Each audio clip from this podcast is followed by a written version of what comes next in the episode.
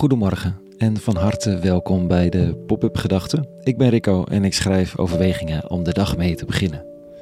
Vandaag met de titel: Mag het hart nog spreken?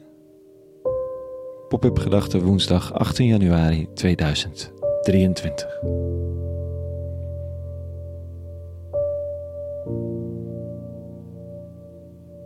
Hij heeft het er vast naar gemaakt. In Nederland hoef je echt niet op straat te leven als je dat niet wilt. Je ziet het moeder mompelen terwijl het kind haar aan de mouw trekt over de situatie van een wat haveloze man bij de deur van de supermarkt. Het is het hart dat aan de mouw trekt.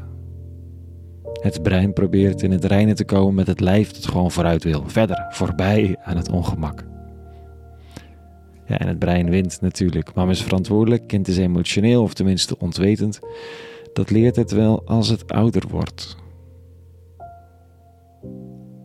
Kan het hart nog spreken? Ik ben veel aan de grenzen van Europa geweest de afgelopen tien jaar.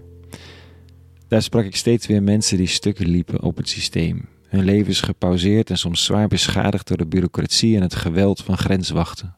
Ook door medereizigers trouwens wiens leven in net zo'n dramatische situatie was gebracht. En als je spreekt met sommige politici, grenswachten, gewone burgers, dan is het hart soms ver te zoeken. Je ziet het eigenlijk meteen als het gesprek naar het thema vluchtelingen buigt. De houding die verhardt een beetje, de ogen knijpen een beetje toe en het gaat al heel snel over het feit dat Europa niet alle vluchtelingen uit heel de wereld kan opvangen. Wat waar is, en onzin tegelijkertijd. Omdat het niet een passend antwoord is op een geschetste situatie van concreet onrecht.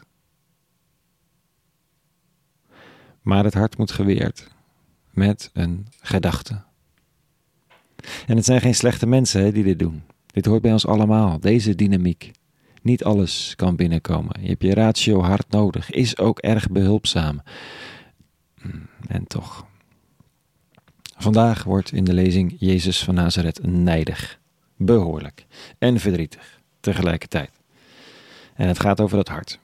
In de verhalen heeft hij de unieke gave van genezing. Het is het signaal dat aangeeft dat er een nieuwe tijd, een nieuwe aanwezigheid op aarde rondloopt, nieuwe mogelijkheden. En vandaag staat er op de Sabbat, de, heilige dag waar ter ere van de eeuwige niemand ook maar enige vorm van werk verricht, uit dankbaarheid en om te oefenen, in de gedachte dat het meeste dat we echt nodig hebben ons gegeven wordt, leren ontvangen, leren het leven en de eeuwige te eren. Echt wel mooi. Op die sabbat in de synagoge staat er een man met een verschrompelde hand. Iedereen ziet de man met de handicap. Ze weten dat Jezus nogal eens mensen geneest, maar op sabbat zou dat zo niet oké zijn. Heilig schennis zou dat zijn, landverraad ook op een bepaalde manier. En dan staat er dit. Hij, Jezus, zei nu tot de man met de verschrompelde hand: Kom in het midden staan. Daarop stelde hij hun de vraag: Mag men op sabbat goed doen of kwaad, iemand redden of doden? Maar zij zwegen. Toen liet hij toornig, maar tegelijkertijd bedroefd om de verstoktheid van hun hart zijn blik rondgaan nou, natuurlijk geneest hij die man, maar het ging niet om de genezing, maar om de woede, toornig en bedroefd. Het is een soort besef van de situatie waarin hij zich als goeddoende, hoopvolle rabbi zich bevindt. Omstanders die het hart zo diep in de borst hebben begraven, die de vrijheid niet eens hebben om op een eenvoudige vraag te antwoorden, omdat ze een systeem hebben georganiseerd waarin de consequenties van dat antwoord hen grondig in de problemen brengt. Wie roept natuurlijk redden en goed doen? Die heeft naar waarheid geantwoord, maar niemand durft die verantwoordelijkheid aan, want dan sta je buiten de regels. De consequenties daarvan zijn niet te overzien binnen de context. Er is geen protest tegen het systeem, geen verzet, geen verantwoordelijkheid nemen, alleen een zwijgen. En hoe herkenbaar. En zich erbij neerleggen. Het hart sterft hij onder die dwang, onder de lode last van het zelfbehoud en de orde, en ja, zelfs onder de vrede. Zo moesten in Ter Apel de vluchtelingen die buiten sliepen vooral onbeschermd in de regen blijven liggen, zonder hulp. Beleid.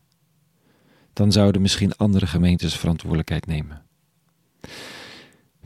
Het hart verkruimelt onder het politiek belang.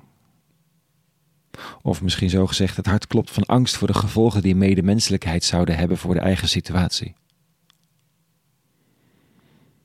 Waar is de bevrijding? Die is niet makkelijk.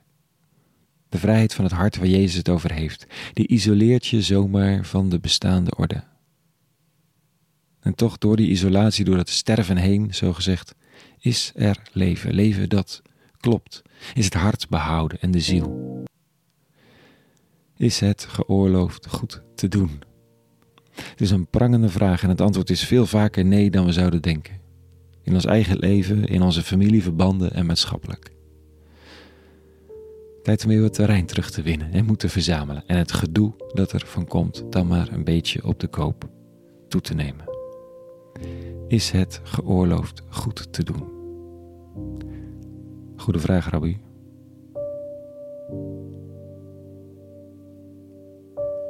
Tot zover vandaag. Een hele goede woensdag gewenst. Meer pop-up gedachten te vinden op popupgedachten.nl. Je kunt je daar ook abonneren op de WhatsApp service. En tot slot, vrede gewenst. En alle goeds.